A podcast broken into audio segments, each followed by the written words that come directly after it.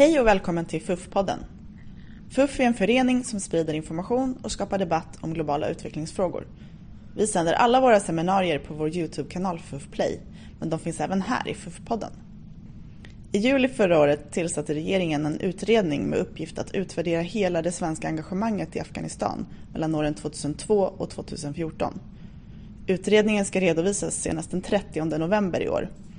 Syftet är att dra lärdomar och ge rekommendationer inför framtida internationella insatser. Det ni nu ska få höra är ett seminarium om lärdomar kring biståndet till Afghanistan som arrangerades av FUF och Afghanistanutredningen den 31 maj 2016. God morgon eh, allihopa och eh, välkomna till detta seminarium som eh, är ett samarrangemang mellan Afghanistanutredningen och Föreningen för utvecklingsfrågor, FUF. Jag heter Rolf Karlman och jag är ordförande i FUF. Eh,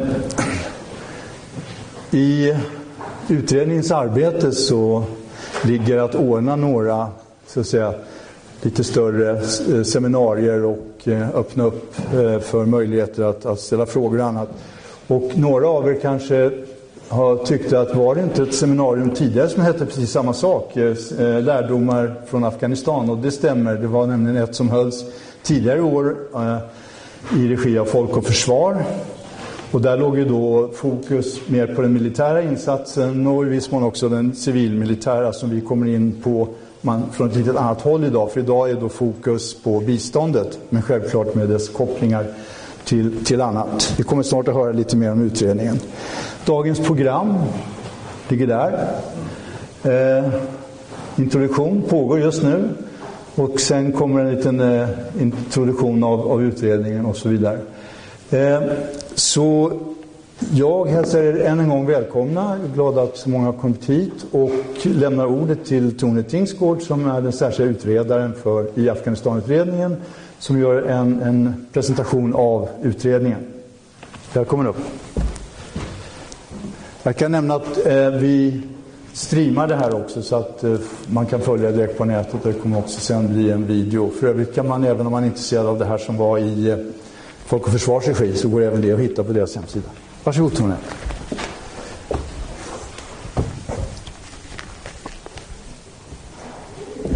Tack så mycket. Och låt mig börja med att säga ett stort och varmt tack till FUF, Föreningen för utvecklingsfrågor, för att vi kan göra det här arrangemanget tillsammans. Det är som, som Rolf påpekade ett eh, medskick från regeringen att vi ska försöka bedriva den här utredningen öppet och inklusivt och informerande. Och det är väldigt roligt att kunna få göra det tillsammans på det här viset. För lite drygt ett år sedan så fick jag frågan om jag kunde tänka mig att hålla i en utredning för att utvärdera insatsen i Afghanistan. Och jag svarade ja. Sen tog det lite tid innan direktivet blev klart och när jag hade läst direktivet så blev jag lite matt. Men eh, vi som sitter i den här utredningen vi är väldigt glada över att man tog sig tid med direktivet för vi tycker att det är väldigt bra. Nu är vi kanske lite part i målet men eh, ändå. Jag är särskild utredare eller ensamutredare. Det är inte så ensamt som det låter. Jag har två förträffliga medarbetare, Mikael Fryling och Wilhelm Rundqvist, båda från UD. Mikael är huvudsekreterare och Wilhelm är eh, utredningssekreterare. Och jag vill faktiskt få läsa utredningsdirektivet för er. Inte för att jag inte skulle kunna lära mig det utan till, men ändå. Men också därför att jag tycker att det är bra. Va? Och utredaren ska beskriva och analysera de överväganden och beslut som legat till grund för den samlade insatsen och dess delar. Beskriva och analysera det nationella och internationella sammanhanget och förutsättningarna för den samlade insatsen. Redogöra för den samlade insatsens målsättningar och resultat samt utvärdera måluppfyllelse inklusive för den samlade insatsens budgetar där avvikelser i tillämpliga fall ska analyseras. Redogöra där så är möjligt för effekter av insatsen på det afghanska samhället, bland annat med avseende på kvinnors roll, deltagande, representation, rättigheter och säkerhet. Beskriva och analysera hur regeringens styrning av berörda myndigheter har fungerat över tid. Beskriva och analysera hur genomförandet av den samlade insatsen har fungerat över tid med särskilt fokus på samordning och samverkan mellan biståndsinsatserna och de militära insatserna samt med beaktande av ett jämställdhetsperspektiv. Beskriva och analysera samordning och samverkan mellan svenska myndigheter och afghanska myndigheter, andra nationer, internationella organisationer, militära, civila och lokala aktörer. Och lämna rekommendationer utifrån de slutsatser som dragits. Det är inte så mycket som fattas i det direktivet, eller hur? Vi ska bedriva det nära samarbete med de myndigheter som har varit inblandade, Försvarsmaktens sida, Polismyndigheten och andra berörda. Och vi ska inhämta information genom att granska dokument, vi ska göra enskilda intervjuer och vi ska ha öppna frågestunder. Och så ska vi försöka förankra arbetet brett. Till dags dato så har vi väl nu gjort uppemot ett hundratal intervjuer. Vi har läst väldigt mycket dokument. Vi har tagit del av alla propositioner och betänkanden. Eh, vi har läst en hel del eh, debattprotokoll från riksdagen. Vi har studerat väldigt mycket andra relevanta grunddokument. Vi har tagit del av utredningar som har gjorts. Vi tog på ett tidigt stadium kontakt med FOI som vi vill ha ett nära samarbete med i detta arbete. Vi har gjort ett par lite öppna eh, arrangemang tidigare. Det som Rolf nämnde tillsammans med Folk och Försvar. Vi har också varit eh, på en, en, en, eh, Eh, debatt på ABF om också utredningen. Eh, vi har, väl, vi, har en, vi har en ganska tuff tidsplan. Vi ska vara klara den 30 november. Vi började den 1 september i fjol. Det är 15 månader. Det är inte mycket tid för, för att fylla det här direktivet. Än så länge så är vi optimistiska och tror att vi ska kunna klara tidsplanen. Och jag kan inte säga så väldigt mycket om vad vi kommer att skriva om för det är inte eh, moget för det ännu. Men jag kan väl säga att ett par saker tycker vi är, är mm, lite komplicerade och det är att kunna särskilja den samlade svenska insatsen från den stora internationella insatsen. Och det är också det här med att se spår i det afghanska samhället av den svenska insatsen just. Av insatserna kan man nog kanske, men svenska insatsen. Men vi, vi försöker så gott vi kan att hitta eh, goda ingångar där. Ett på ett tidigt, tidigt stadium så tog vi naturligtvis kontakt med Svenska Afghanistankommittén för att ta vara på deras eh, enastående erfarenheter i detta avseende.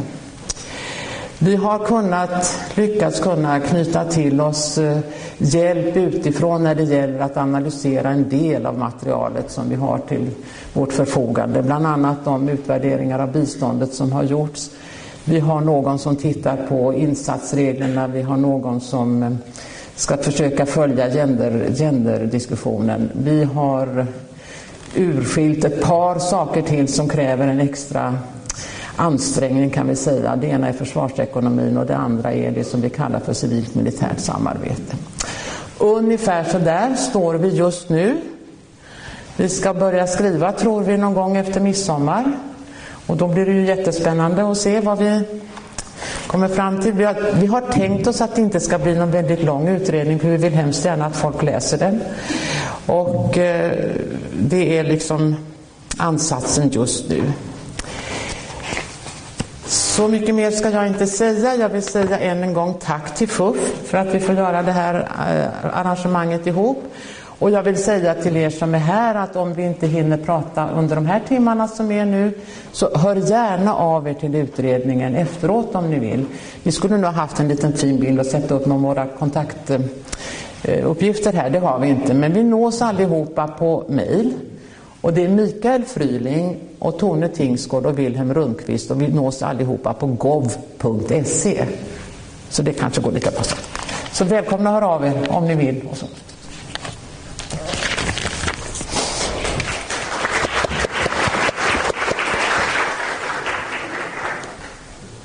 Tack så mycket Tone och eh, tack också till utredningen för eh, förtroendet ni gav oss att ordna det här eh, seminariet. Eh, Eh, om vi lägger på bilden på programmet igen kanske, eller om det inte är för komplicerat. Där. Eh, eh huvud, jag bara säga att huvuddelen av dagen kommer att vara i form av eh, paneldiskussioner med ett antal personer som jag kommer att presentera i någon tid. Eh, och där vi också hoppas att ge utrymme för er här i publiken att delta och eh, komma med kommentarer och frågor. Men eh, innan vi gör det, det kan, många av er här är väldigt väl insatta i biståndet till Afghanistan, andra kanske mindre insatta. Så jag tänkte att, som, eh, bara så att det finns någon gemensam referenspunkt eller bakgrund, så, så tänkte vi kanske att ge en, en väldigt kort översikt över Sveriges bistånd till Afghanistan. Och en sak, vilket väl då en, eh, jag nämnde för Tone här tidigare.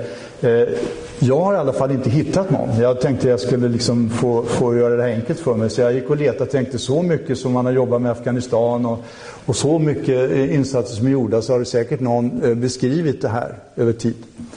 Eh, eh, Afghanistankommittén har faktiskt gjort en sån över sitt egen del så att säga. Men däremot hittar jag ingen som liksom täcker hela det, eh, den svenska biståndsinsatsen. Så där ser vi då fram emot att få den beskrivningen i tiden i utredningen. Men jag har med hjälp av lite dokument och vad jag liksom kunde själv och också fått en del vita fläckar ifyllda av Afghanistanenheten på Sida gjort den. Och den är, det är väldigt översiktligt ska jag säga, skissartat och eh, som det brukar heta, eventuella misstag är mina egna. Men, men den kan i alla fall kanske eh, tjäna till att ge en kort bakgrund. Då ska vi se om jag kan trycka. Sen målgruppen, eller den prioriterade målgruppen för det svenska biståndet är egentligen kvinnor och barn. Men eh, det kanske blir så där ändå ibland. Eh, då ska vi se. Eh, Ja, eh, det, det, är faktiskt så att bistånd till Afghanistan var på tapeten redan någon gång under 60-talet då man diskuterade att eventuellt ha Afghanistan som ett programland. Men det blev väl inte riktigt så och eh, en del svenskar kom att tjänstgöra där under 60-70-talen och det kom väl alltid någon, kanske någon skärv via svenskt stöd till FN och så. Men det var egentligen efter den sovjetiska invasionen 79 och de 20 år av, av strider först då eh, mot den sovjetiska militärmakten den eh, och, med, och sen med tiden då när den hade drivits ut, eh, 89 var det väl eller så, eh, så var det istället ett inbördeskrig mellan de olika grupperingar som hade slagit mot dem. Så det är så 20-årig krigsperiod där fram till att talibanerna tog över.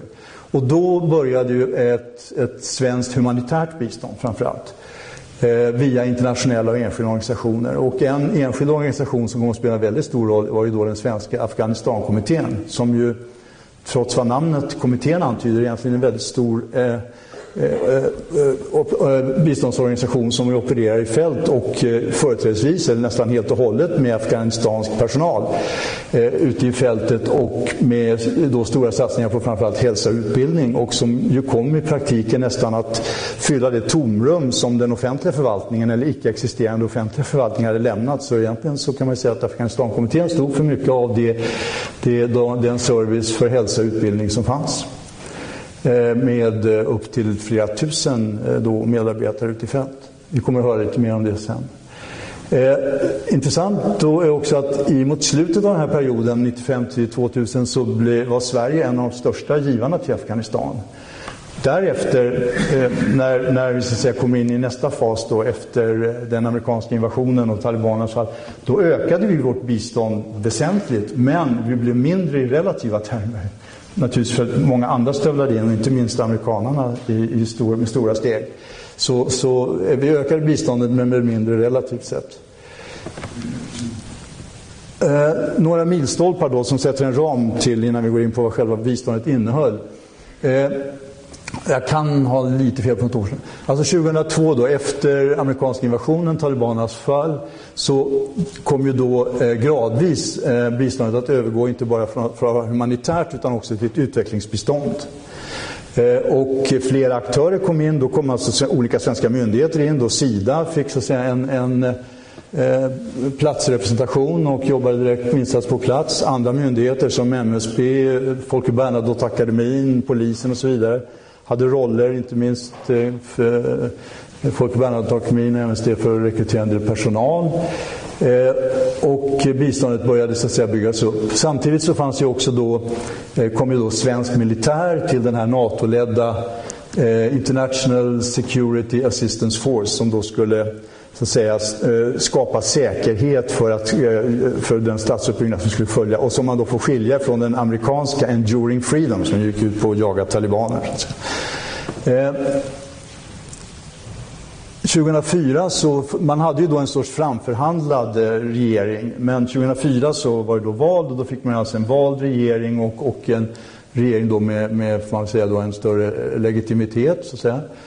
Eh, 2006 så övertar Sverige ansvaret för eh, återuppbyggnadsprogrammet i fyra provinser i norra Afghanistan. Eh, jag tror att det var en Donald Rumsfelds idé som var det här med att man skulle ha Provincial Reconstruction Teams. Och det var egentligen alltså militära insatser som gjordes för att skapa då, eh, säkerhet och på det sättet skapa förutsättningar för återuppbyggnad ute i olika provinser. Och det var olika länder som hade ansvar för det där. Britterna hade det då uppe i Mazar-e Sharif och de fyra provinserna. 2006 övertog då Sverige ansvaret där uppe och så stationerade man eh, då en svensk militärtrupp. Totalt tror jag det är 9000 svenskar som har tjänstgjort något sånt där uppe. Eh, 2009 så tas då ett regeringsbeslut om att eh, en fjärdedel av det svenska biståndet till Afghanistan ska dirigeras upp till de här provinserna som då Sverige har eh, det här ansvaret eh, PRT för.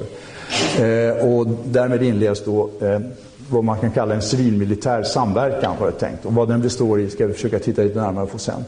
Och där då placeras också eh, SIDA-personal, utöver att de har funnits på ambassaden i Kabul, så placeras också SIDA-personal direkt uppe i Mazar-e Sharif. Där. 2012 hände något som är intressant om vi tittar framåt, nämligen det var en Tokyo-konferens om eh, insatsen i Afghanistan och där indikerar Sverige ett fortsatt bistånd om cirka 8,5 miljard i tio år från och med 2015. Så det finns alltså en, en, eh, en halv utfästelse om ett mycket omfattande fortsatt stöd till Afghanistan. 2014 dock så avvecklas själva den här militära ISAF-insatsen. Det ska ju liksom vara afghanistanska styrkor som ska ta över de här uppgifterna och därmed avvecklas den här militära kontingenten upp i Mazar-e Sharif. Vad gjorde då Sverige? Ja, eh, det här är klippt ur en av de olika strategierna, men, men det, det karaktäriserar en hel del av hur det svenska biståndet har varit inriktat under den här tiden. Eh, människor som lever i fattigdom, i synnerhet kvinnor, barn och ungdomar, ska åtnjuta förbättrade levnadsförhållanden i ett fredligt, demokratiskt och rättssäkert samhälle. Och det första är ju så att säga den klassiska att, att förbättra fattiga människors levnadsförhållanden är alltifrån inkomstfattigdom som tillgång till offentliga tjänster i hälsa, utbildning och annat. Men det andra är ju också en klar så att säga, värdebaserad sak. Man ska, det är nästan eh, 180 grader från talibanstyret så att säga. Gå mot ett demokratiskt och upprätta eh, eh, en rättsstat. Eh, de största sektorerna har varit demokrati, som bland annat har handlat om att bygga upp transparent eh, och demokratisk förvaltning och, och eh, mänskliga rättigheter. En annan stor sektor har varit utbildning eh, och sen fortsatt humanitärt stöd. Därutöver har det varit eh, olika saker. Det har varit minröjning, det har varit vägbyggen, det har varit ett antal olika, men det här har varit de stora.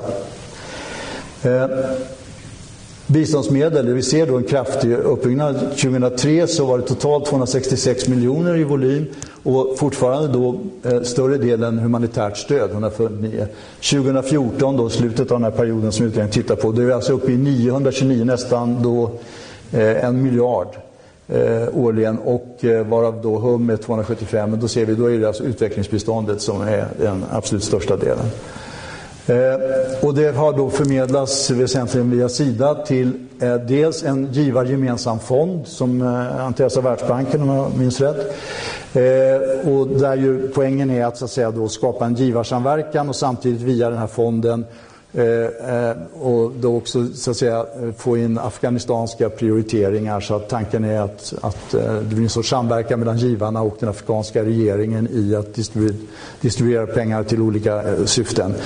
Stöd direkt via multilaterala organisationer, till exempel Unicef på utbildningssidan, ett stort stöd. Och sen fortsatt stöd via enskilda organisationer, afghanska och svenska och då bland annat åter Afghanistankommittén. Ja, detta var mycket, mycket, mycket översiktligt då. Eh, hur det har sett ut. Och därmed tänkte jag att vi, ja, innan vi gör det här så backar jag ett steg. Eh, kanske ska säga någonting om eh, eh paneldiskussionerna som vi ska ha. Eh, det här heter ju lärdomar från Afghanistan. Betyder det att, och med, med, fokus på biståndet, betyder det att vi då ska idag komma fram till om biståndet till Afghanistan har varit bra eller dåligt? Nej, det tror jag inte vi kommer att komma fram till idag. Det tror jag inte finns ett svar på den frågan. Och eh, jag tror inte heller facit riktigt finns än, eh, så att säga. Eh, kommer vi att diskutera hela det svenska biståndet till Afghanistan? Nej, det kommer vi inte heller att göra. Det skulle föra väldigt långt. Utan vad vi gör är att vi tittar på vissa aspekter av det svenska biståndet. Och, det är, eh, och där har vi då naturligtvis diskuterat med utredningen utifrån vad, vad är det utredningen skulle vilja få diskuterat vid ett sånt här tillfälle. Och eh, då är det egentligen två, eh, det första temat vi ska ta upp, det handlar då om Eh, eh, civil, det här med civilmilitär samverkan. Vad var det egentligen så att säga? Och, och vad har vi lärt oss av, av det som då eh, gjordes där? Och den andra biten som är den lite större frågan då, detta med bistånd under väpnad konflikt. Och en del av det har ju egentligen, det är inte bara att det är en väpnad konflikt utan det är ju faktiskt att det har varit i en sviktande stat så att säga. Så att det är ju en, en, i många avseenden en icke-fungerande stat under väpnad konflikt. Hur bedriver man bistånd där? Och hur fungerar till exempel sådana saker som samverkan mellan givare och eh, biståndseffektivitet och, och så vidare.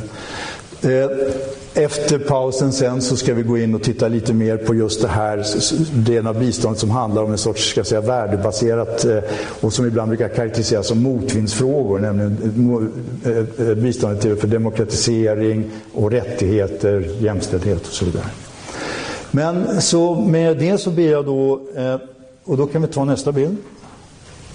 Nu får du fortsätta. Och då ber jag första panelen komma upp och ta plats här så kan jag under tiden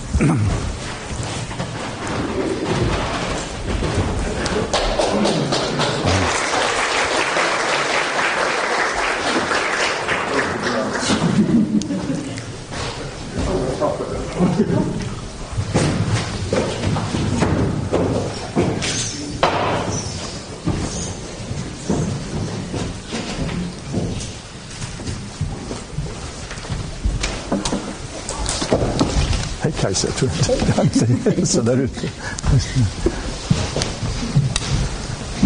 Då har vi, eh, jag tar i, eh, i mitten här borta har vi Bengt eh, Kristiansson.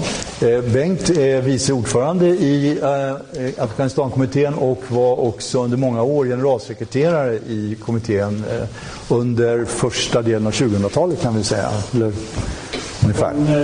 2002 till 2009. Till 2009. Så en, en betydande del av den här perioden. Och, eh, eh, och har också därmed eh, spenderat en hel del av sin tid i Afghanistan. Vi har Henny Andersson som eh, numera är konsult men eh, under en period då jobbades eh, för Sida som koordinator uppe i Mazar-e-Sharif där och i den här.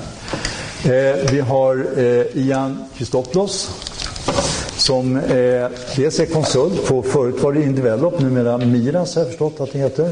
Eh, och, eh, men är även eh, forskare på, senior forskare på något som heter eh, Danish Institute for International Studies. Och som ju eh, bland annat har eh, haft ett finger mycket i de utvärderingar som har gjorts i, som kvalitetssäkrare i Afghanistan. Du har inte själv gjort dem så att säga, men du har varit kvalitetssäkrare av de här utvärderingarna i Afghanistan. Eh, vi har Jonas Westerlund här till höger direkt om mig som var eh, senior civil representant uppe i Mazar Sharif i det här eh, PRT och som snart ska få chansen att berätta vad det egentligen var.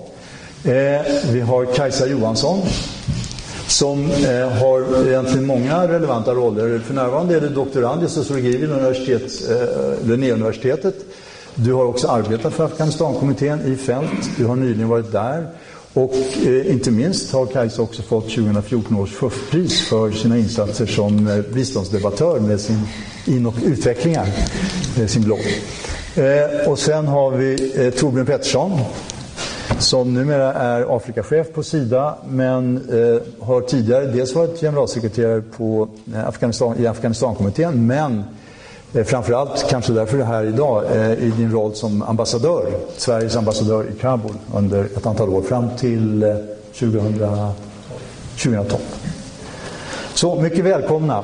Det är som ni ser en, en, panel som har naturligtvis oerhört mycket att säga. Samtidigt ska vi försöka avhandla det här på, under viss press och försöka få in publiken också. Men låt mig köra igång då med en gång. Om vi, som vi sa, om vi börjar med den här aspekten med eh, eh, militär, eh, civil samverkan. Eh, du Jonas var ju alltså eh, senior civil representant uppe i Mazar-e Sharif. Vad, vad, vad betyder det? Och vad, vad låg i din roll så att säga? Och, och, eh, och, och hur, hur, var din roll i förhållande till den militära och respektive civila insatsen? God morgon till allihopa.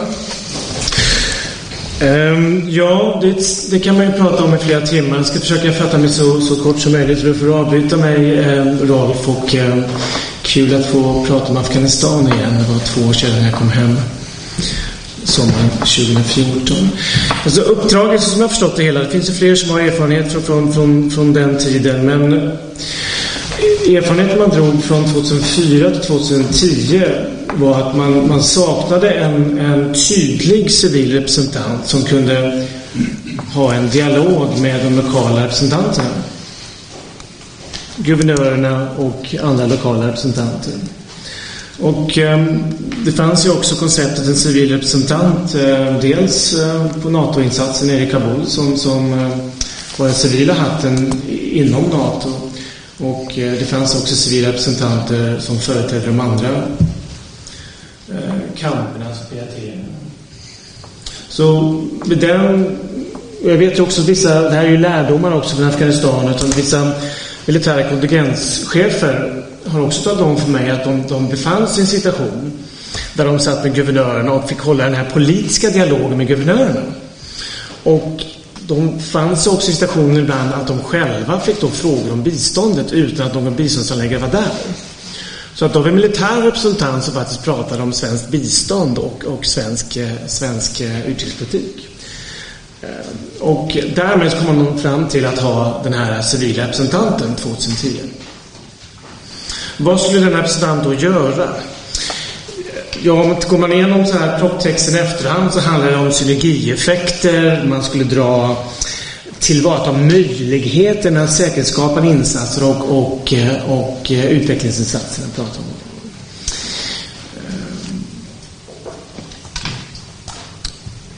Så, ja. Men får jag fråga då, det, för den här, den svenska kontingenten där uppe, den stod väl då i formellt under NATO-befäl, så att säga. Eller alltså i, i befäl. Det svenska biståndet eh, hanterades ju då eh, av Sida och sen via ambassaden i Kabul, så att säga. Så det var en nationell styrning av det. Och eh, hur, hur fungerade då eh, din roll i, mellan de här två, så att säga? Och vad, går det att säga någonting som var, var den svenska regeringens uttalade mål med den här civila militära samverkan? Mm, just det. Bara nämna då att den civila komponenten bestod ju större delen mellan 2010 och 2014 av ett antal politiska rådgivare, ett antal biståndshandläggare och ett antal polisrådgivare. Och sedan en civil representant. Och, eh,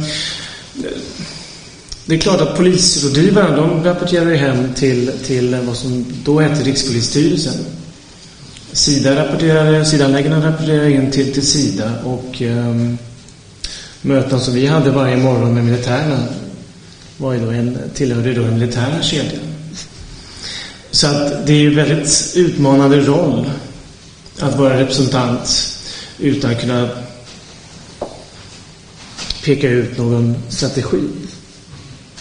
Ja, möjligtvis kan du peka på de stora frågorna, men du kan inte så att säga du, du kan inte peka ut den, så här, det dagliga arbetet på samma sätt. Kan inte göra.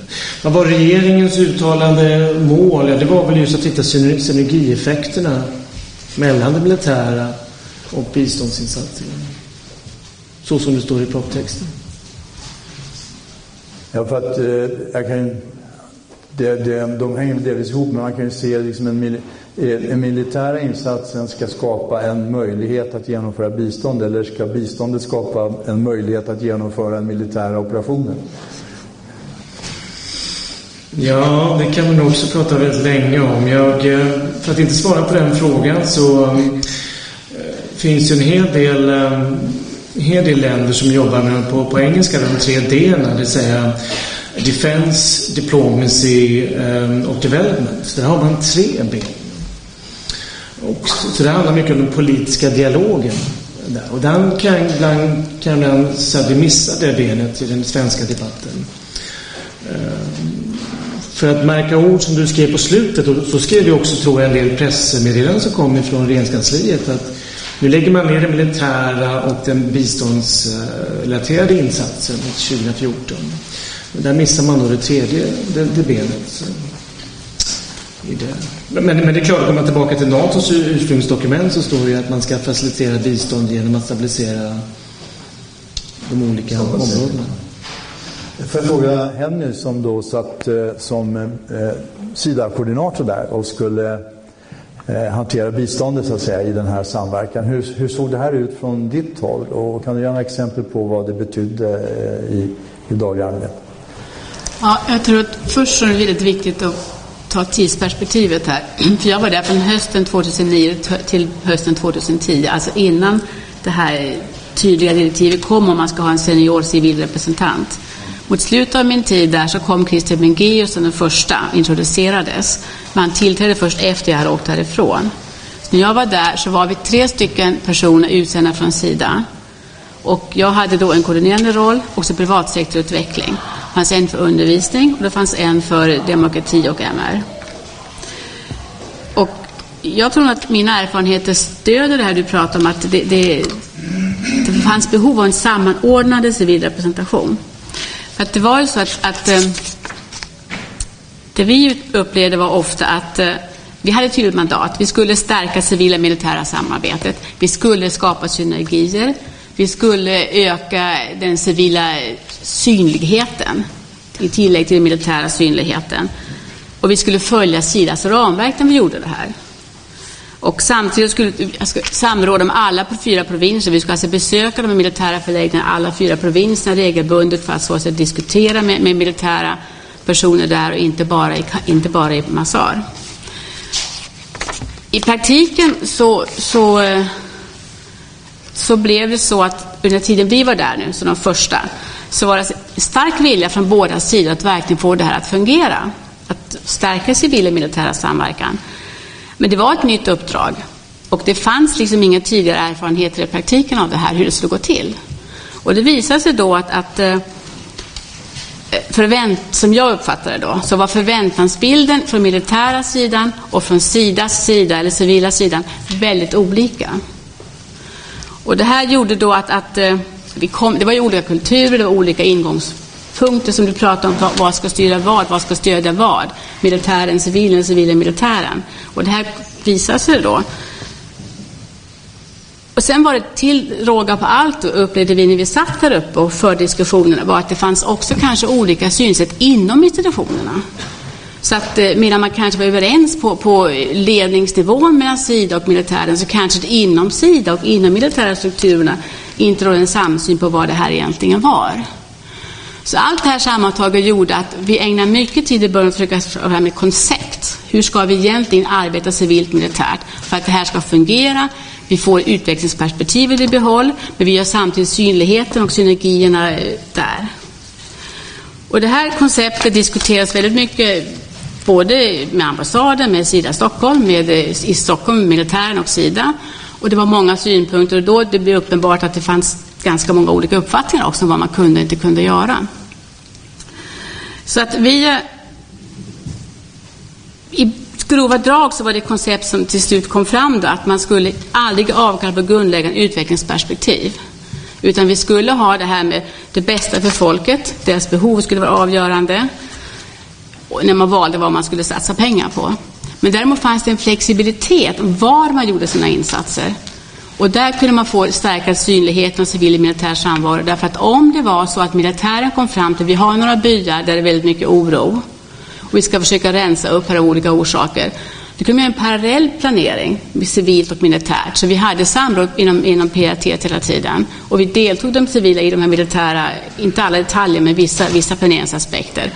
Så vi kunde bli planerade att ja, de här tre byarna ska man satsa på. Då kunde vi starta under tiden som den militära planeringen pågick. kunde vi starta en, eh, en needs assessment till exempel. Genom att använda afghanska NGO som gick in och försökte fråga folk om ni nu får en möjlighet att få pengar här, vad skulle ni vilja satsa pengarna på? Så. Det finns säkert synpunkter på det också, men det var väl ungefär i grova drag då hur vi, hur vi eh, kom fram till vad man skulle kunna jobba med. Sen var det det här behovet eh, som Johan också tog upp, att militären hade då en syn på väldigt mycket vad man skulle göra. Den grundläggande skillnaden som, som vi upplevde, som jag upplevde i alla fall, det var att militären kunde satsa sig vi bygger en väg, vi ska bygga en väg som är så här bred, som tål så här tunga fordon och det är bra för folket också. Men när vi då sa, vi börjar inte så, vi börjar med vad är bra för folket? Vill de ha en väg kan de få en väg, men de kanske inte vill ha en sån här bred, de kanske har fler kilometer väg istället. Och då hade vi genast en här diskussionspunkt, liksom, vad, vad styr här nu då? Och, eller man vill ha en radiomass för det är bra för kommunikationen. Ja, men det ingick inte så i Sidas, eh, Sidas utvecklingsplan att man skulle ha det. Och så det här att man väldigt ofta så kom, det är ett exempel på hur jag menar att, att man i organisationen inte hade riktig samsyn heller. Att soldater som var ute på fält, de såg ju mycket misär och mycket elände och kunde komma tillbaka och åh, kan inte ge oss pengar så vi kan köpa skor för barnen har inga skor i den här byn. Och det är humanitärt väldigt viktigt, men det är inte utvecklingsbistånd. Så det fanns en grundsyn, upplevde jag väldigt ofta, att militären såg till de här snabba, eh, praktiska sakerna, man ger saker. Och så framstår vi i god dager som de såg det. Men vi tyckte att nej, vi planerar saker. Vi försöker ett fiskespö och inte en fisk. Och så får vi en utvecklingsprocess igång. Ja. Upplevde ni, eh, alltså skapade den militära närvaron eh, alltså, eh, slog den tillbaks mot möjligheten att genomföra biståndet eller underlätta den eller vad det... Nu går... Jag vet att det finns många uppfattningar om det. Vi, i alla fall inte jag, upplevde inte att det var hämmande för oss. Och jag upplevde inte heller att det var ett problem för oss att så att säga samplanera de områden vi vände oss mot var de områden som militären tyckte behövde, behövde trygghet eller ska säga, lite stabilitet och behövde se utvecklingsprocessen komma igång. Däremot så var det i praktiken ändå svårt. Därför, jag kan ta ett exempel. Du har några byar, man, det var speciellt en, en, en period ska man ha tre byar.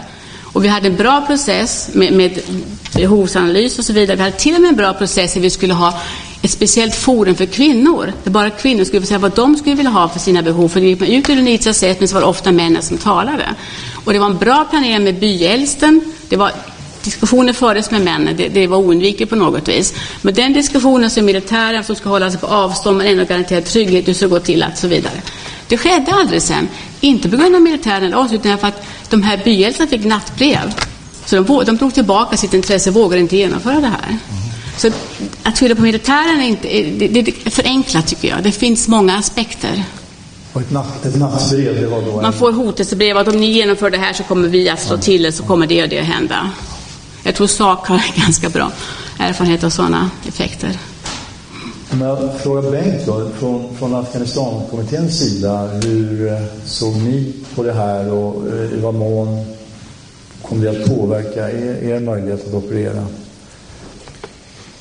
Ja, så eh, Svenska Afghanistankommitténs relation till PRT och den internationella militären har ju varit ganska dynamisk under den här långa perioden eh, och förändrades ganska starkt från initialt en tro på att här fanns en öppning med en fredsbevarande eh, trupp, ISAF, eh, som sökte samarbete så småningom.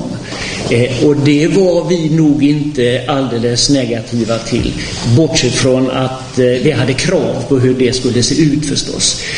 Men det hände någonting som jag tror det är svårt att se och isolera eh, och relatera till det svenska PRT. Och det är nämligen den tidigare historien som äger rum. Det första jag får göra 2002 när jag kommer till Afghanistan det är att mötas av frågan att den amerikanska krigsmakten, OEF, gör anspråk och har planterat den planen i eh, den nya maktapparaten i, i Kabul att få makt över hela det internationella biståndet. De kräver att få koordinera det Eh, eh, hantera budgeten, distribuera den eller till och med omdistribuera den oavsett vem som var eh, eh, givare.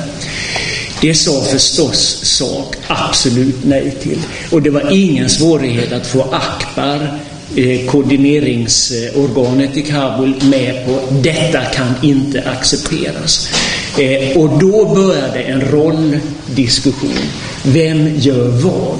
Och då var det ju ganska tidigt att i det, den kontexten kunde biståndets aktörer ville inte bli sammanblandade och ännu mindre styrda utav eh, militär, militära aktörer.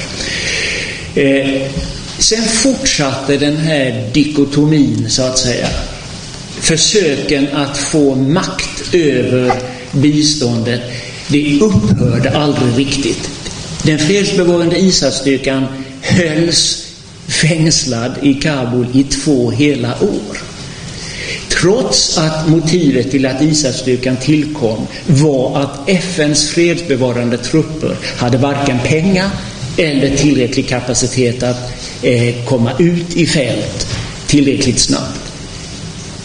Sen håller man ändå kvar ISAF och det är bara den krigförande makten som är ute i landet. Den här tidiga utvecklingen blev väldigt bestämmande för vår principiella hållning eh, och försiktighet till civilmilitärt eh, samarbete. Sen tillkommer den här nyckelfrågan, vad ska civilmilitärt samarbete, även när mer sansade aktörer kommer in på, på, på scenen, så är det oklart vem stöder vem och för vilket övergripande syfte? PRT, och det ser jag som en otrolig nackdel och ett missed opportunity, blev inte ställd under politisk ledning utan fick agera utifrån militära tolkningsföreträde. Och så var det på makronivån rätt igenom hela historien. FN placerades där under deras rätt periodiskt godtyckliga hantering och så vidare. Tack så mycket. Eh, en kort kommentar till det sista Bengt sa där, att det var eh, det liksom den militära eh, utgångspunkten i PRT. Som, det, om, det var, om jag tolkar det rätt så var det säga att det var den överordnade eh, eller missförstod jag dig? Ja, jag, jag, jag, jag, tror, nu talar jag inte om det svenska PRT. Okay. Vi är ju bara en utav tolv olika PRT och nationella eh, ISAF-styrkor vi har haft att göra med. Vi finns och fanns i 17 av landets 34 provinser. Så vi har ju haft med amerikanska PRT, brittiska, holländska, tyska, eh, you name it. Alla har vi haft någon slags inter, någon kontakt med. Eh, så det, det är färgat utav helt andra erfarenheter av det svenska PRT. Jag förstår. Jonas, har du någon, vill du lägga till något om det? Jag tänkte säga samma sak som, som Bengt har egentligen, utan det är ju stor skillnad. Det vi försökte förklara för amerikanerna våren 2014 när de kom till oss och de ville vi skulle uh, informera om vilka biståndsprojekt som vi hade på PRT som vi inte längre kunde fullgöra. Och då hade de missförstått hur det svenska PRT fungerade. Det fanns inga biståndsprojekt som, som PRT hanterade utan, utan det var eh, Sida som frånskilt militären hanterade de frågorna. Får jag vara fräck och, nämna en, en, eh, en annan fråga här snabbt? Utan, eh, nu ska vi prata om lärdomar. Då måste man ju eh, komma fram med lite tankar här också. Jag vill mena att det här PRT-systemet blir fel på så sätt att man, varje land skulle ansvara för en, för en provins. Och vi eh, var dessutom väldigt oblyga att, att då, eh, samarbeta med afghaner i fyra provinser. Och då blev det också så utifrån andra givare att ja, men svenskarna får ta hand om det här, de här fyra provinserna. Vi andra fokuserar, holländarna fokuserar på den här provinsen. Mm. Och det nästan så det blir till en nackdel. För att Försvarsmakten ville väldigt ofta ha, ha en sida i allt de gjorde. Och bli frustrerad när inte Sida kunde komma in med 100 biståndsanläggare för att vara ute men när de mentorerade. Nästan så att jag skulle drista mig att säga att det blev till nackdel på så sätt att Försvarsmakten att det blev så att vi fick kanske färre FN-organ som jobbade inne i de fyra provinserna. På grund av att många trodde och ansåg att vi skulle ha bistånd här fyra provinserna. Jag har kanske lite annan syn, vem som började så att säga. Jag tror nämligen att det var så här att den svenska beslutet om 25 procent var en reaktion på att andra givare hela tiden tog, riktade sitt bistånd till sina eh, PRT-provinser. Sverige kom alltså ganska sent in i den här processen att vi ska sätta avsätta 25 procent till våra fyra provinser. Så det var, jag, jag, det var inte Sverige som ledde det. Så var det ett stort problem som, som eh, jag tror du tänker ta upp det senare, men jag kan nämna nu också, det var att vi hade på kamp eh, på PAT, förutom SIDA-representanter som rådgivare, så fanns det också USAID-rådgivare och en, en, USA, en, en amerikansk säkerhets eller politisk rådgivare också. Och det var, det var svårt det här med att, att eh, sättet amerikanska biståndet gavs på versus det svenska sättet var väldigt olika. Och det var inte alltid helt lätt i de här stora konferenserna man satt och diskuterade med, med alla, hela regionen där uppe i norr. Där man liksom, amerikanerna ville ta så, så att det är vi som styr PETs bistånd och det kunde inte vi acceptera för det, så är det inte. Det som Johan sa, PET hade inget bistånd, svenskt bistånd. Det var Sida som drev biståndet enligt biståndsprinciper i de fyra provinserna. Tack. Eh, jag tänkte fråga eh, Kajsan.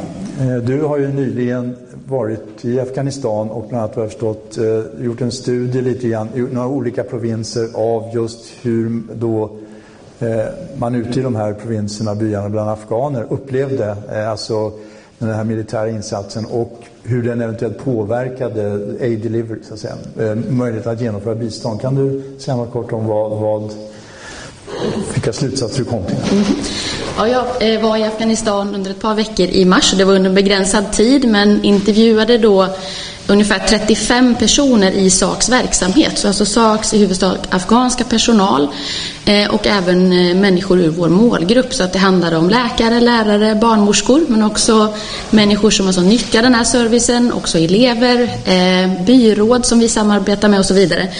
Och kan vi säga det att självkritiskt mot Afghanistankommittén har kanske varit ganska dåliga på att dokumentera eh, våra reflektioner kring just civil-militär samexistens eller samverkan. Medan kanske då försvaret har varit bättre. Men det man kan säga om mycket av dokumentationen är ju att man har låtit väldigt många svenskar komma till tal. Men man kanske inte haft så väldigt starka afghanska röster. Så det som vi försökte göra med den här studien var att lyfta fram afghanska röster från olika platser i verksamheten. Och det man kan Alltså en, en sån sak som kommer fram väldigt tydligt är att när den här ganska så massiv, det massiva liksom intåget av nya aktörer kopplade till PRT på olika sätt kommer in så utgör detta en ganska stor utmaning för Afghanistankommittén och andra civilsamhällsorganisationer som kanske har jobbat där under längre tid. För att det blir så att säga en det blir väldigt otydliga linjer vad som är vad. Vad är egentligen privatsektor? Vad är en militär aktör? Vad är en humanitär aktör? Vad är en utvecklingsaktör? Eh, så att det, blir, så det, det, uppstår så att säga nya, nya problem för Afghanistankommittén där det blir väldigt mycket viktigare att visa vad, vem man är, vad man gör, vilka värderingar man står för eh, och också väldigt mycket som vår personal lyfter fram eh, var, var pengarna kommer ifrån. Alltså varifrån kommer de här pengarna? Det knyter ju an lite här. Alltså att vem har makten över biståndet? Och också för att vara en aktör och hur det här kan påverka Eh, förtroendet för civila aktörer och vilka intressen som styr.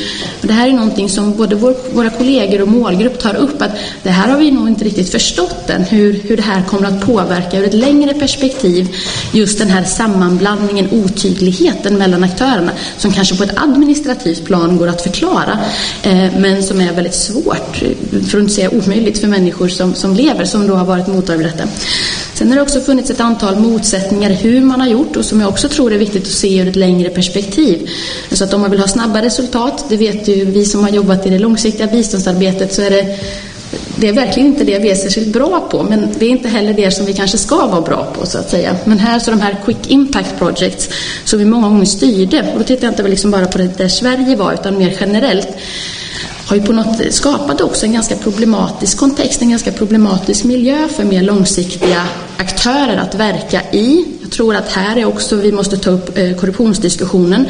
När vi kommer med ganska stora summor pengar, ett krav på ganska snabb implementering. Vad händer med samhällsstrukturer? Vad händer med, det, med de långsiktiga förutsättningarna? Eh, och här är också det är många som tar upp det här som en problematik. Att vem var det, när man har lite bråttom, vem är det som vem är det resurserna kommer till del och vad händer så att säga med de lite djupare strukturerna i, sam, i samhället, alltså förtroendestrukturer, maktstrukturer och så vidare. Så det är en annan sån. Och sen så eh, om man tittar på påverkan på säkerhet, vad som skapade förutsättningar för vad så att säga. Så jag pratade med, med vår med de som, som jobbar i, i SAKs verksamhet men också då med målgruppen i, i tre olika provinser, i Wardak, i Mazar-e Sharif och Aloy Balch i, och i Jalalabad i Nangarhar. Det är ganska olika bilder, det är svårt att säga någonting generellt. Men en kanske generell tendens som kommer fram det är att eh, vad gäller säkerhet i förhållande till hälsa, alltså hälsoservice, så har det generellt sett varit en ganska negativ inverkan med de internationella trupperna och det vet vi. Vi har haft attacker det här året eh, på eh, hälso, alltså hälsoposter och sjukhus. Så att där är det ju väldigt många som tar upp eh, väldigt många negativa effekter. Också effekter av att man till exempel har lagt militär och polisposter nära sjukhus så att människor av olika anledningar inte har, har sökt service där. Medan för utbildning till exempel så är bilden mycket mer blandad. Alltså att i vissa fall så upplever man att ja, säkerheten har stärkts förstärkts av att det har varit en internationell militär närvaro. I andra fall så ja, har det kanske också funnits de här fallen då där, där militärposter och så vidare har funnits för nära.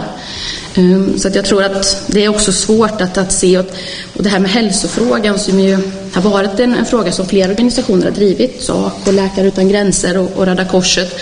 Alltså att det här att skydda hälsa, jag tror att om vi kommer in på det här, liksom de svenska intressena, så var det en sån sak som SAK-kollegor tog upp att de var så förvånade över att Sverige inte stod upp mer för rätten till hälsa och säkerhet till hälsa när de här attackerna pågick. Ehm, så var det någon som gjorde den lite underfundiga reflektionen att när attackerna nu skedde det här året, alltså de, det var Jenny Kundus och Jenny Varda Kundus var ju Läkare utan gränser. Då var den svenska regeringen väldigt snabbt ute och var, med, var väldigt väl ute i, i media och fördömde detta. Det är också nu som Sverige inte har några direkta militära intressen i Afghanistan. Så att det har lyft en debatt inom eller bland våra afghanska kollegor. Hur påverkar egentligen Alltså alla de här olika rollerna som, som Sverige och som andra länder haft, även Frankrike tar de upp, de brukar vara en väldigt stark försvarare av de här liksom, humanitära värdena av Genèvekonventionen. Men det var ganska tyst under tiden som man också hade militära intressen inom ramen för ISAF-styrkan. Tack så mycket. Får jag lämna mig till dig Torbjörn och fråga utifrån din horisont, du som ambassadör i Kabul och i, i, den ordning som råder i svenska biståndet så har ju du det yttersta ansvaret på plats för helheten i det svenska biståndet så att säga. Eh, hur, hur, upplevde du i den positionen eh, den här eh, kan säga uppdelningen mellan å ena sidan ett bistånd som vi då drev med hjälp av de här fonderna och sådär och den här kopplingen upp till eh, Masara Sharif och PRT? Eh, det var ju väldigt spännande. Jag, jag överblickar ju perioden också. Där hade Bengts jobb ett par år innan och, och tror jag träffat eh, räkna ut åtta av överstarna som drev PRT och det var ju också lite variationer över tid. Men om jag tar din fråga kabelperspektivet så eh, jag börjar med det internationella därför att som, som Tove sa, det är väldigt svårt att särskilja så att säga, just specifikt Sverige i den, i den väldigt samordnade internationella insats vi ingick i. Och då är det ju så att även om det för oss var väldigt viktigt så var ju norr ganska ointressant. Alltså det var inte första punkten på dagordningen på våra möten om jag säger så. Därför att norr i huvudsak var stabilt från det att Sverige kom dit 2006. Allting är ju relativt men med afghanska mått mätt mycket stabilt och välmående och så. Så att eh, den delen av det svenska engagemanget var i Kabul inte jättestark. Men det var förstås oerhört stor för oss och i Mazar för det. Och det är två aspekter på det. Från NATOs perspektiv så var det låg prio militärt och därmed också utvecklingsmässigt eftersom eh, insatserna var kopplade. Eh, det avgjordes inga krig i Mazar Sharif. Det var stabilt sedan 2006. Atta var garanten, guvernör Atta i centralorten Mazar Sharif. Även om det var fyra provinser så är det liksom en hierarkisk ordning mellan dem där. Och Atta hade koll säkerhetsmässigt om man uttrycker det, eh, försöker vara kort. Eh, och, det räckte att veta det från, från ett NATO-perspektiv. Sen behövdes lite stöd och det var lite olika skeden men jag ska inte gå för djupt in på det. Ett sånt seminarium har redan hållits. Från regeringens perspektiv så var det ju samma sak.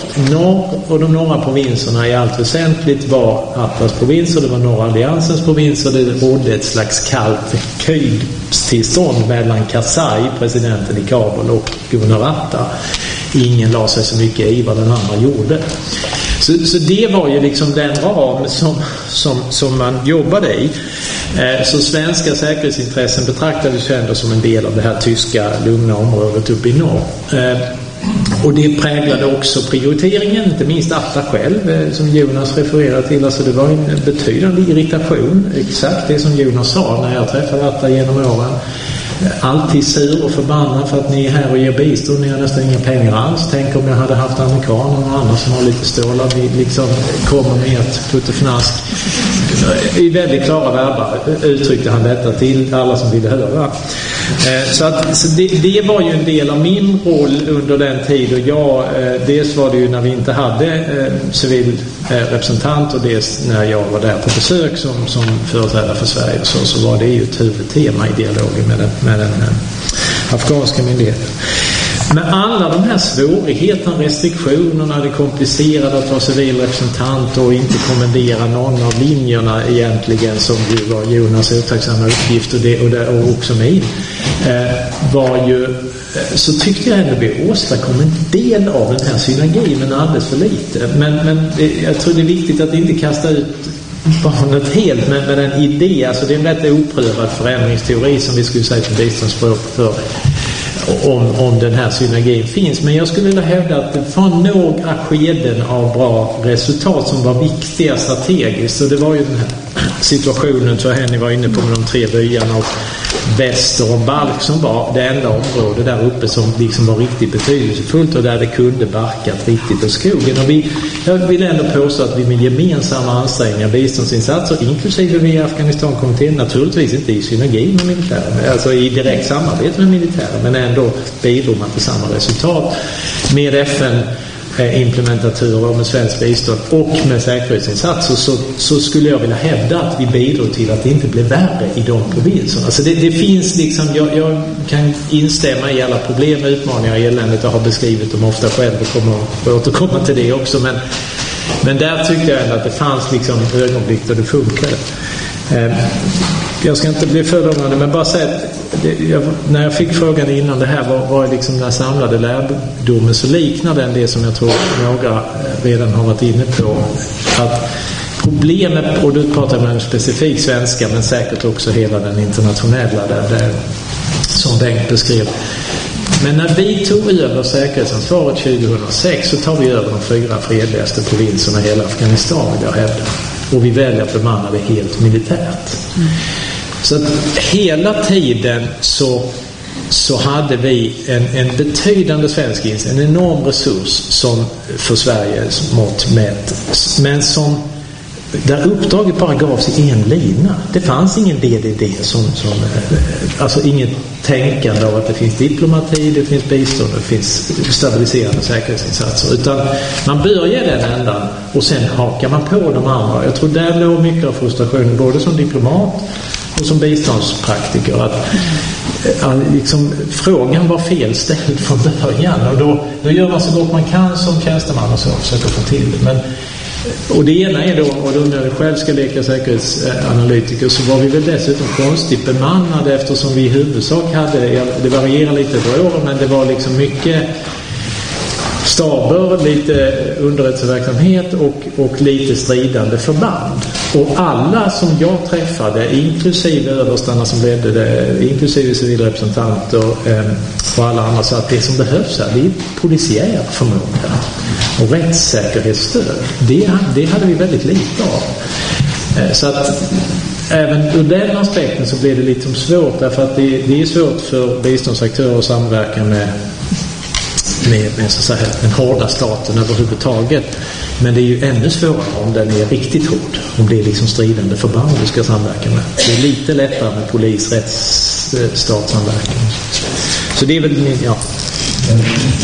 Vi ska alldeles strax gå in på den här kanske angränsande frågan mer generellt, så att, säga, att, att leverera bistånd i, i, under väpnad konflikt och i en sviktande stat.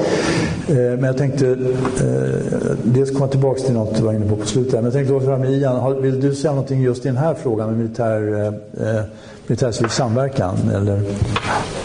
Ja, um, våra eh, utvärderingar av insatsen i Afghanistan har inte handlat direkt om just de här frågorna. De har stått lite i bakgrunden rätt mycket. Men uh, vi, uh, en sak som är väldigt viktigt som har kommit upp i våra utvärderingar är att uh, det har varit ganska svaga konfliktanalyser i de flesta insatser. Och det är väldigt viktigt. Om man tror att man kan hitta synergier mellan defense diplomacy och development, då måste man ha tänkt igenom de tre tillsammans i en analys och inte bara tänkt igenom det um, i början på ambassadnivå, på policynivå, men även man, man måste även följa upp på projektnivå rent praktiskt. Och där är det svårt att se hur man har hanterat uh, det inom de praktiska förändringsteorier som har drivit projekten. Um, uh, visst kan det vara i princip bra att bygga vägar, men vägen kan användas av militär på båda sidor. Det kan en, uh, vägarna och är bra på att utveckla marknader för både legala och illegala produkter. Um, om man har inte uh, tagit en konfliktanalys på den nivån är det svårt att uh, uh, sen gå tillbaka och säga om man har hittat synergier. Tack så mycket. Eh, får jag bara eh, kort kanske. Ja, en del, ni har ju nämnt ett antal lärdomar. Jag menar, och de är lite olika beroende på vem man är. Jag menar, Afghanistankommittén, om jag får förenkla väldigt mycket, ju, handlar ju väldigt mycket om att, att väldigt tydligt hålla sig på armlängds avstånd lite grann ifrån de militära insatserna så att säga och försöka hantera eh, den situationen och sådär. Men Eh, Eh, för att haka på vad det du sa där på slutet Torbjörn. Alltså om man, om man fick eh, backa bandet så att säga. Är det det här med militär-civil samverkan på det här sättet som eh, det nu skedde. Eh, eh, handlar det om att man ska skruva på lite saker och så blir det bra? Eller är, är, är egentligen konceptet tveksamt? Det, det, är rätt oprövat kan man säga. Alltså det finns ju de som som så ideologiskt tycker att det här är fel. Och vi har ett humanitärt imperativ som styr mycket av den humanitära verksamheten. Vi, vi även Sida vi, och Sverige är ju en av, av, av, världens största humanitära givare och i det samarbetet så håller vi väldigt strikt på den här åtskillnaden. Men, men för, för utvecklingssamarbete finns ju ingen sån begränsning. Det, och, det, och det vore ju konstigt om man liksom valde bort en viss del av staten om man vill bygga stater och nationer. Så är det ju.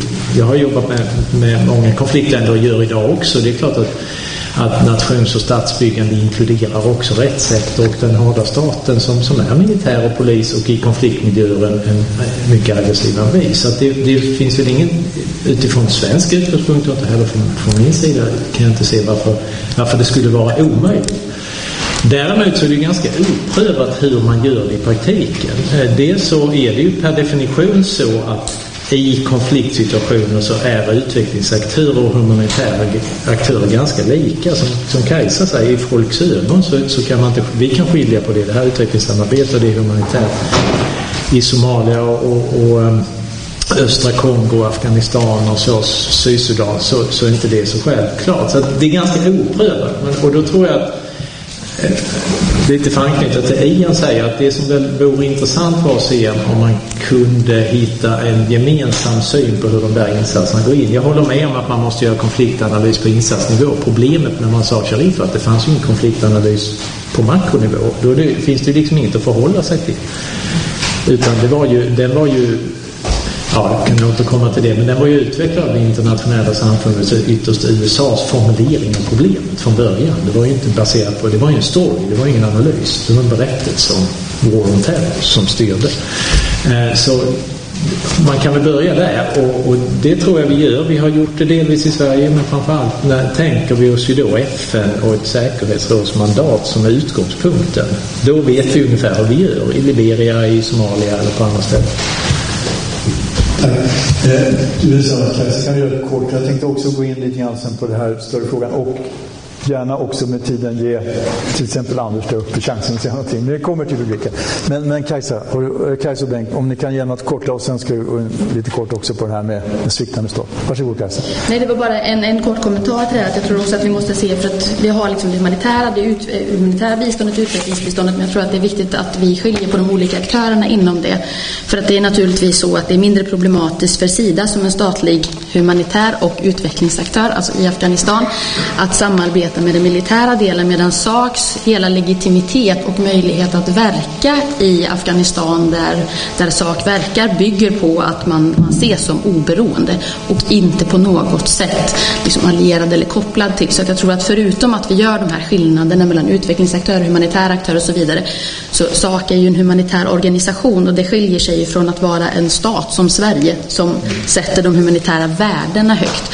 För där tror jag nog att det finns en ganska en total enighet bland SAKs personal i fält att det här att inte ha någon som helst samverkan var det enda rätta och det är det som gör att SAK fortfarande kan verka i de områdena där man finns. Eh, jag tror också att här, eh, det är värt att fundera över hur ett civilmilitärt samarbete skulle kunna utformas. Men här, som vi förstår det, så är kontexten rätt handling, rätt ambition har blivit fel därför att kontexten var fel. Mm. Man, man, detta med att OEF har makten över den organisation som etablerar PRT och där vill driva civilmilitärt samarbete med en befolkning som blir allt mer vred, allt mer upprörd över kriget som pågår. Det gick inte alls efter de första åren att se distinktion, göra distinktion för människor mellan krigförande och fredsbevarande. Jag skulle dra helt andra slutsatser om vi fick chansen att under FN-fredsbevarande trupp göra om det här. Då tror jag nämligen att helt andra perspektiv, eh, helt andra konklusioner skulle kunna dras. Men nu måste vi på något sätt göra det utifrån den kontext som det här har ägt rum i.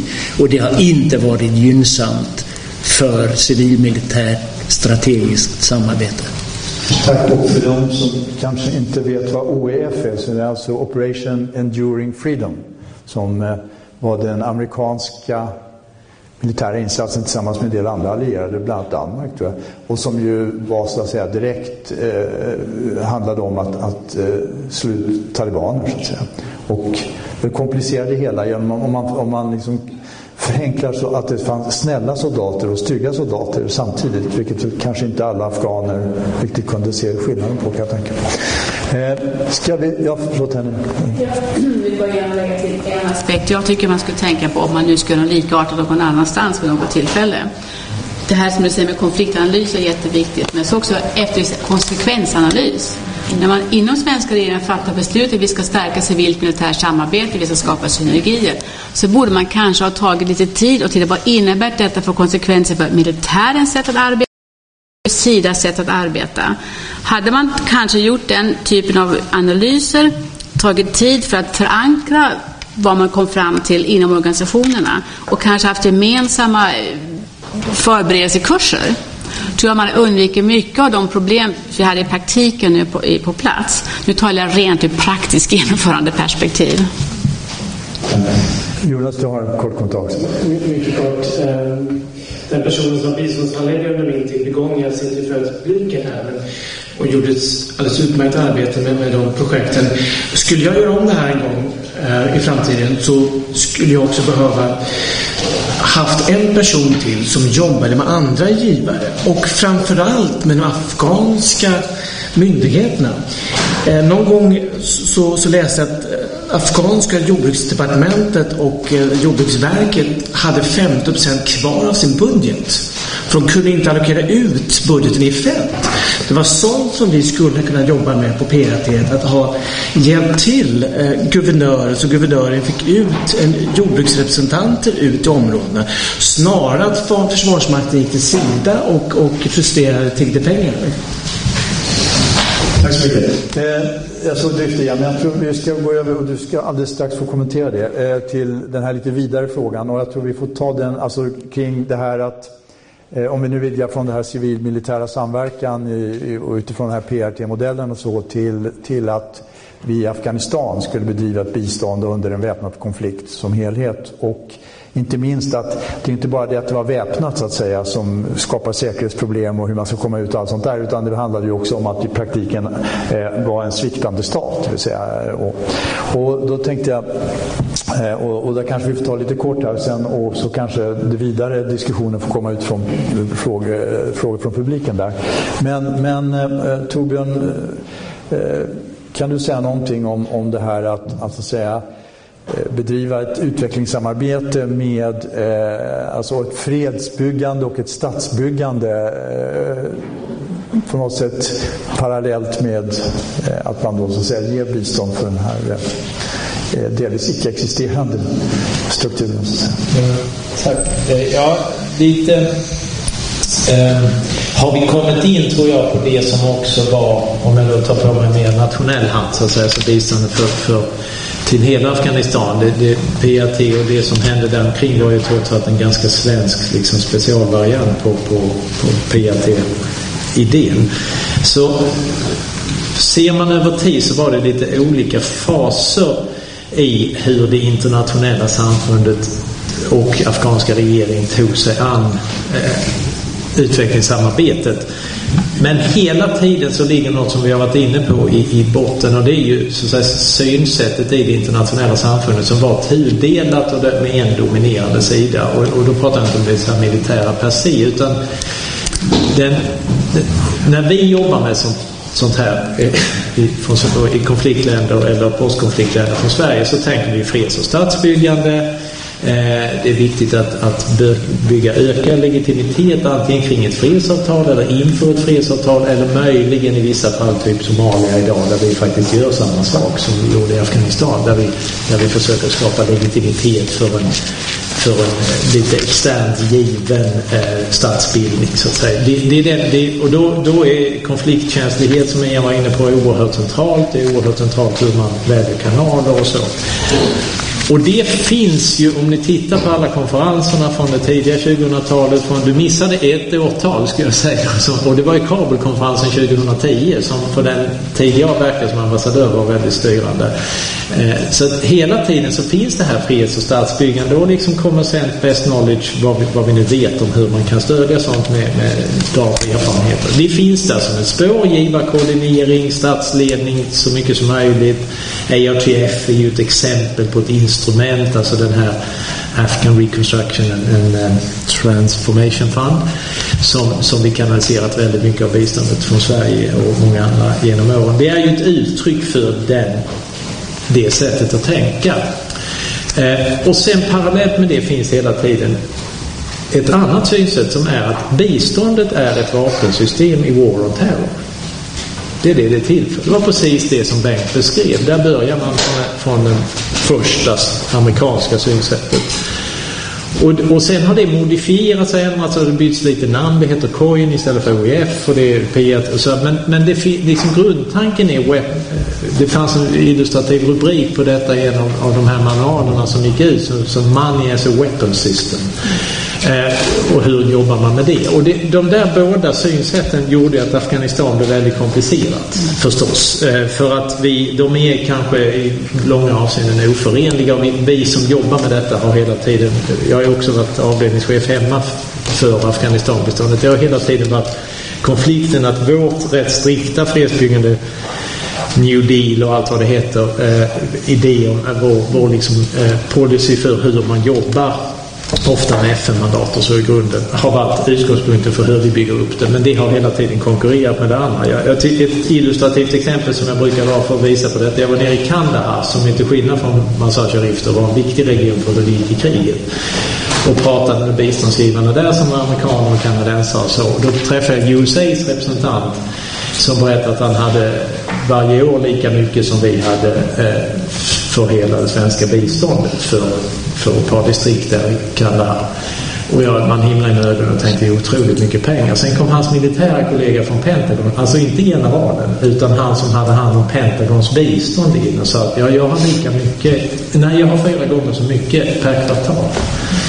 Så att det visar, och det, liksom, i afghanernas ögon så, så är det ju det, det är rätt stor skillnad. Så och det, det är kanske inte så svårt att förstå var då tyngdpunkten läggs. Så att det här levde med hela tiden. Att det, det stora amerikanska biståndet Även om man ändrade språket så, så gick det i militära termer.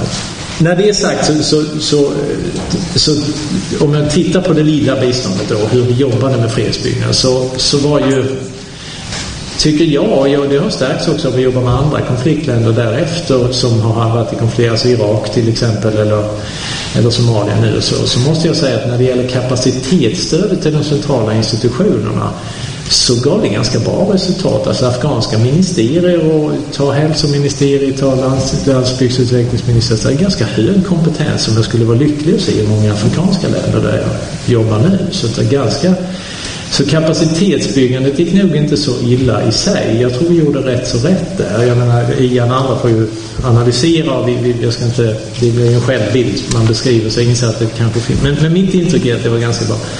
Men Alltså valen legitimerade ju inte regimen. För varje val så blir ju legitimiteten för regimen mindre.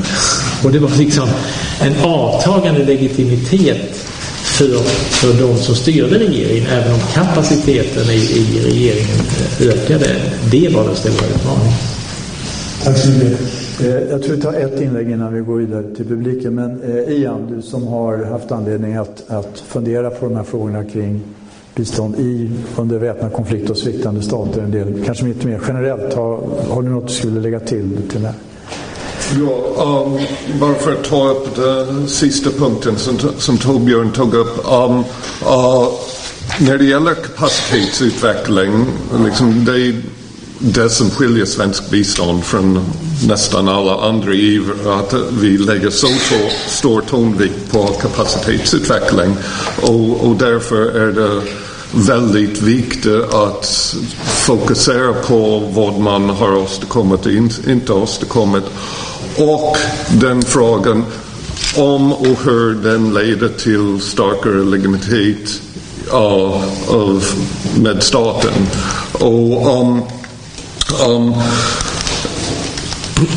det svenska biståndet har gått både till att utveckla kapacitet högst upp och där har det varit vissa problem um, med uh, att utnyttja våra insatser ibland. Um, uh, Sida är en världsledare för, med att stödja tankesmedjor i olika länder med konfliktsituation med väldigt bra resultat i många länder.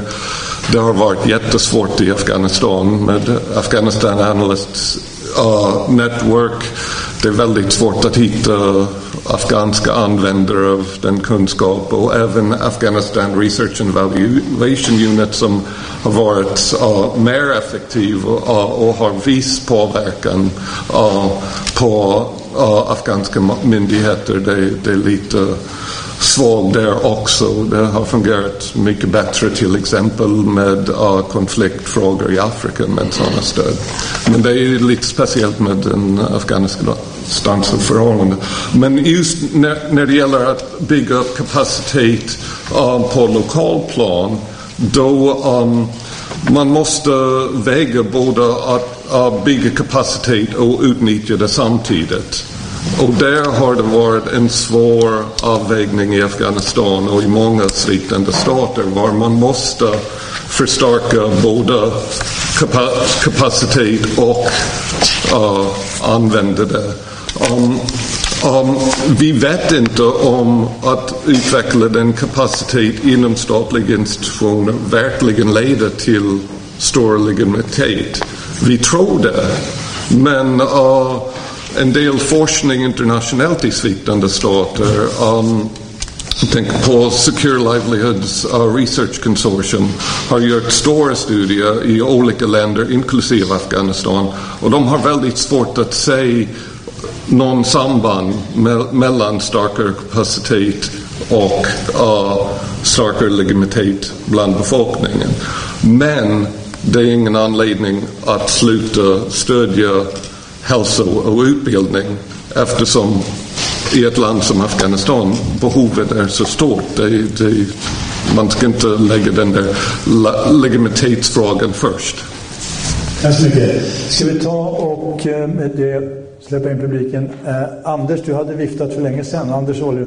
Men då ska vi, eftersom vi streamar så eh, blir det lite lustigt. Ni måste ha mikrofon och ni ska dessutom ha två mikrofoner. Eh, av tekniska skäl. Är det här den ena? Eller? Det här är den ena och jag den andra. Okej, okay. så om du ger dig av till Anders Oljelund där uppe. Och sen om ni då eh, säger ett namn och så tänk på att hålla mikrofonen nästan in i munnen.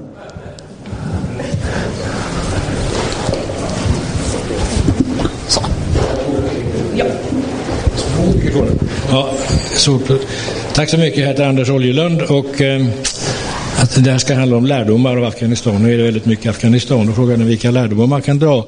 Eh, och en, en huvudfråga tycker jag är när vi gör insatser av det här slaget, beslutade av FN, både med militär trupp och med bistånd samtidigt. Är detta samma insats eller är det två olika insatser? Och det var väl liksom det som var huvudfrågan eh, för regeringen när jag en gång fick uppdrag att göra en utredning om hur förenar man utveckling och bistånd? Eh, utveckling och säkerhet. Alltså ordparet utveckling och säkerhet är då fastslaget i en massa dokument och högtidstal. Men går det att förena och hur går det att förena i praktiken? Och då hade man Afghanistan som det exempel som då pågick. Vi hade kontroll, eh, säkerhetspolitisk säkerhetskontroll över Mazar, Kan man då inte också se till att det, att det sker ett svenskt bistånd där som ger en utdelning? Det var huvudfrågan. Eh, och då finns det en massa lärdomar och en massa slutsatser i den här utredningen som jag inte ska gå in på nu. Men en är väl att det var inte frågan om civil-militär samverkan. Många tyckte väl det egentligen, att det skulle vara det. Men som utredningen och som stämningen var, det var inte frågan om civil-militär samverkan utan det var frågan om bistånd, utvecklingspolitik i ett område som samtidigt, där det samtidigt finns en säkerhetspolitisk närvaro. Det var inte meningen att militären skulle dela ut eller, eller styra eller leda det här. Eh, så det var väl en, en missuppfattning kanske som fanns, fanns och fortfarande finns möjligen att militären skulle ha ledningsansvaret för konkreta biståndsinsatser. Den andra slutsatsen, en annan slutsats av, av den här utredningen, om jag ska tala om den, var att PRT och uppdelningen av landet i olika PRT-områden som hade tillkommit av säkerhetspolitiska skäl är alldeles, alldeles felaktig. Alldeles felaktig som grund för utveckling. Men nu har vi det. Och då eh, kommer man lätt till ytterligare en slutsats, nämligen att vi väljer aldrig själva upplägg för fredsbevarande eh, insatser.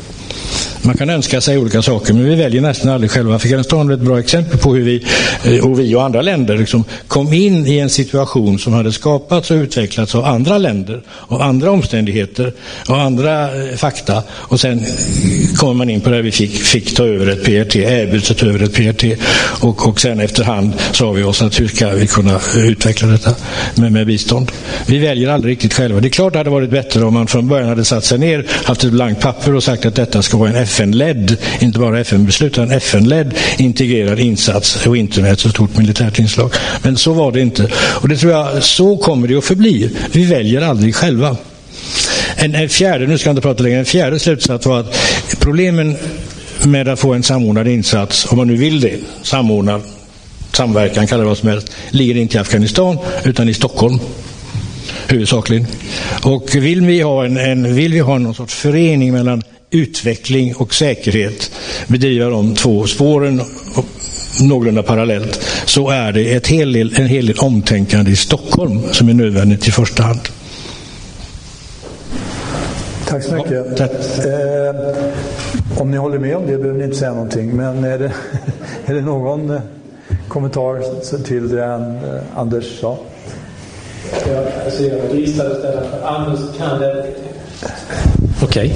Okay. Um, eh, Anders utredning var ju grunden för det. Det, om jag uttryckte mig oklart, så, så, eller vi alla, så, så, Nej, det stämmer ju det du sa. Att det var, jag tror. Jaha. Okej, okay, okej. Okay. Det blir komplicerat där. Um, nej, men det är ju riktigt att vi har ju, som Jonas också sa, vi har ju aldrig kanaliserat bistånd via militära, men det finns hela tiden ändå i styrdokumenten en idé om en resultatsynergi, att båda insatserna ska nå till samma resultat. Jag är den första från mitt fältperspektiv att instämma i det Anders sa, problemen är ju i Stockholm. Alltså om det är planerat i två helt olika rör så är det väldigt svårt att förena det på en ambassad, säkert något som vi många känner igen. Men en motfråga, och det var eh, nu ska vi inte jag förstöra programmet helt, men, men intressant skede här om man tänker på utredningsmandat, det är ju hur fria var vi att välja? Alltså min bild är, eh, Anders skakar på huvudet, alltså min bild är att britterna lämnade eh, norr när, när det var klart. Så att säga. Det var ju fredag. Så det var liksom, och då tog vi över.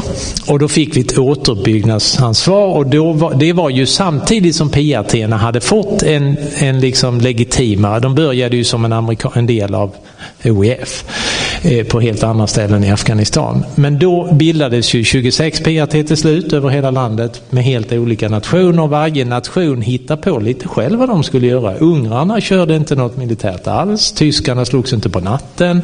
Vi, alltså det var, vi var ju ett skämt i Kabul liksom hur, hur olika man tolkar det här uppdraget. Och där tycker jag är den spännande frågan att kanske borra i, där jag inte vet svaret, det är varför valde vi en helt militär lösning? Var, var, var vi tvungna att göra det som Sverige?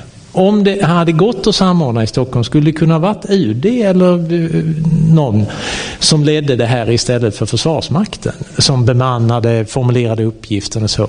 Jag vet inte svaret på den frågan, kanske Anders vet. Men, men det är ju, det är ju en, eh, för utredning tycker jag en nyckelfråga om vi nu ska göra om det. Vi gör det här i Somalia idag, inte med svensk trupp men med stort bidrag både till den militära insatsen via AU och med betydande svenskt bistånd. Och där gör vi annorlunda.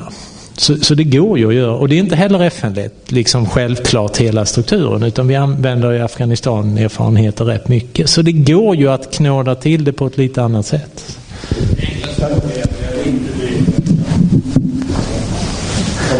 Vi hade inte frihet att välja. Formellt har vi naturligtvis frihet att välja, men man väljer, man väljer aldrig. Man väljer aldrig eh, typen av insatser av det här slaget.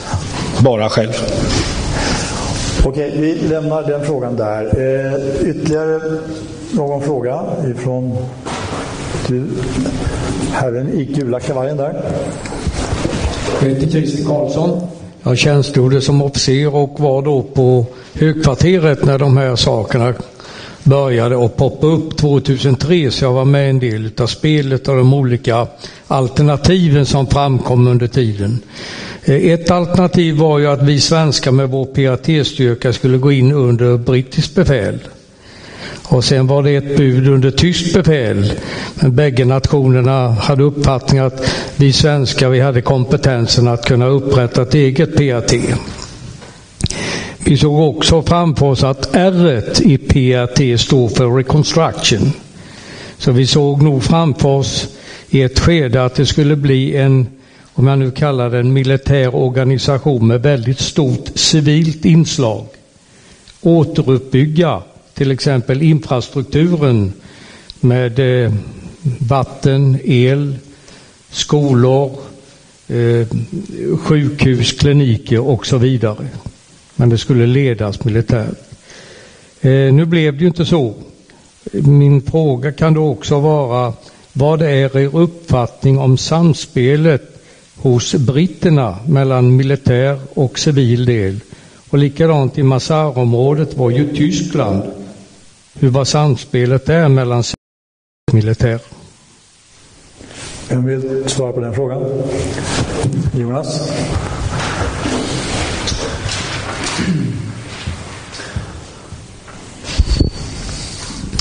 Ja, om vi börjar med den eh, lättaste delen av det svaret. Eh, tyska närvaron. Jag samarbetar ju dagligdags med den tyska civilrepresentanten på plats.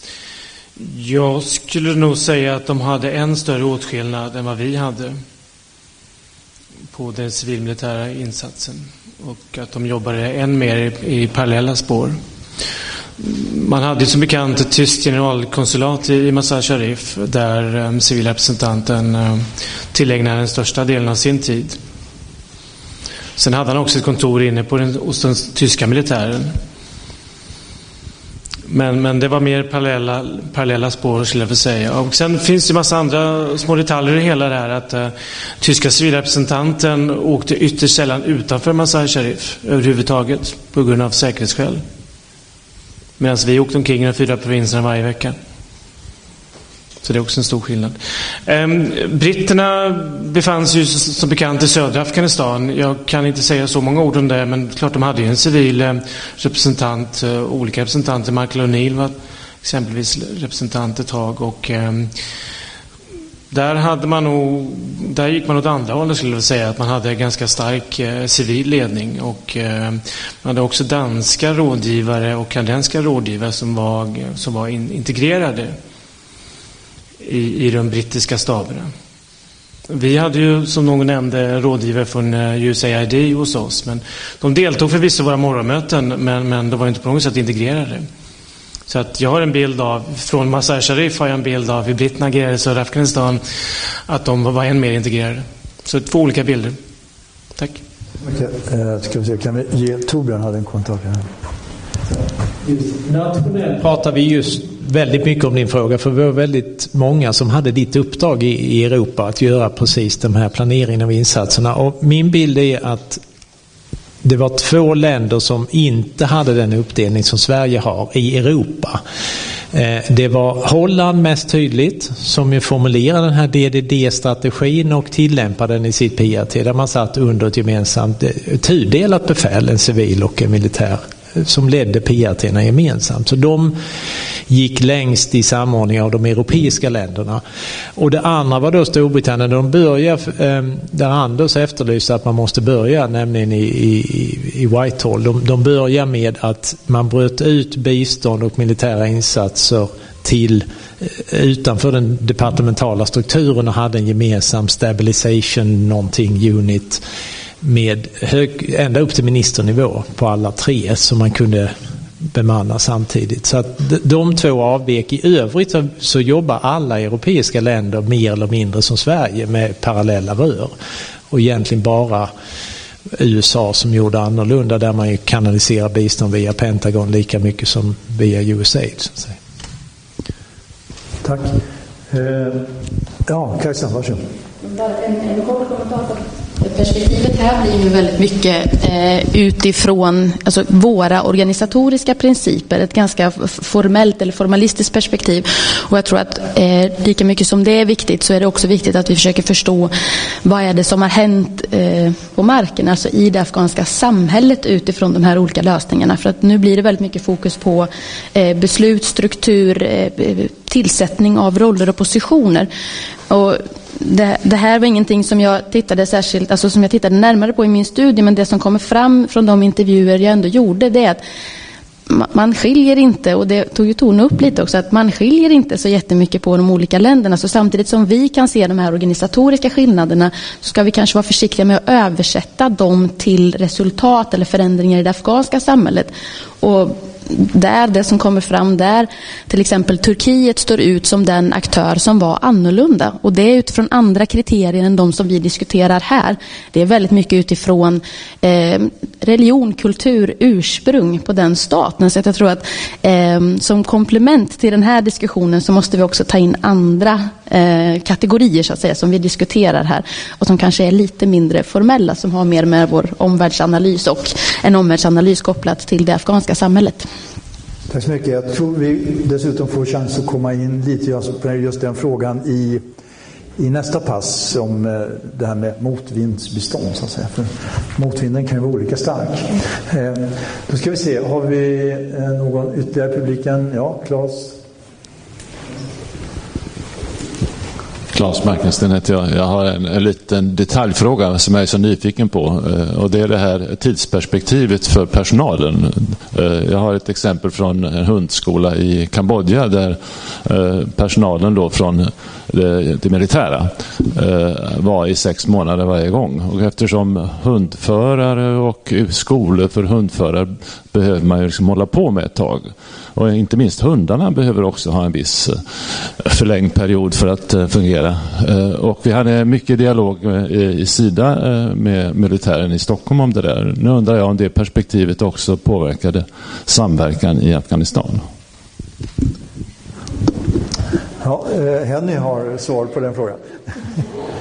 Ja, det här, det här var faktiskt en, en, det är en anledning till varför jag trycker så hårt på att man skulle ha haft förberedelsekurser innan man åkte ut, där man gemensamt pratar om militärt effekten för civilt och civilt effekten för militärt. Militären var där sex månader och SIDA-personal ett år. Och hade man maximal otur kunde man ha tre olika utsända militära kontingenter man skulle samarbeta med. Så just nu klar, de har fått igenom en form av samsyn med en kontingent, så åker de hem. Och så får du börja om från början igen. Så att det hade effekt så, men, men eh, ja, det var inga minröjning av hundar sa Tack så mycket. Eh, vi hinner nog med ytterligare någon fråga. Är det någon som har en sådan? Eh, om inte, är det någon som vill lägga till något ifrån panelen innan vi... Eh, Bengt? Eh, jo, med tanke på det här med rotationen av personalen eh, och nu talar jag inte om kontakterna med svensk PRT utan en rad andra, för det var ju samma problem i nästan alla PRT. Det vi byggde, eller erfarenheten som växte fram eh, inom eh, SAK, det var ju ofta när PRT bestämde sig för a quick fix, gick in och tog ett initiativ, byggde en klinik eller byggde en skola eller någonting annat. Inte alls sällan nästan vägg i vägg med något som redan existerade. De eh, gick in, ville ha snabba resultat. Det var bara det att det byggdes inte in någon som helst kontinuitet i det utan när den batchen av soldater och officerare lämnade när sex månaders perioden var över så fanns det ingen som tog över, som kände sig ansvarig och så gick det stagnerade, fullföljdes inte. Bortsett från att nästan allting vad det gäller långsiktigt åtagande, förberedande för driften eh, saknades från början. Men det, jag tror att det här är en oerhört svag punkt i om man ser det här som en, ett experiment där man ska dra lärdomar. Hade det bara varit lite annorlunda med kontinuitet och något längre perspektiv än det kortsiktiga 3 till 6 månaders perioden så kanske det hade sett aningen bättre ut. Tack så mycket. Eh, I och med det så eh, tror jag att vi tar en paus. För alla kan behöva. Eh, men jag får eh, be er att vara tillbaka sittandes i stolarna klockan fem i, så vi tar en kvart. Fem i, och då kommer ni dessutom som belöning att få se en liten video. Och, eh, när vi ska gå in på det här med mot, motvindsbestånd. Men eh, fem i, i stolarna igen. Tack så hemskt mycket. Och tack till panelen.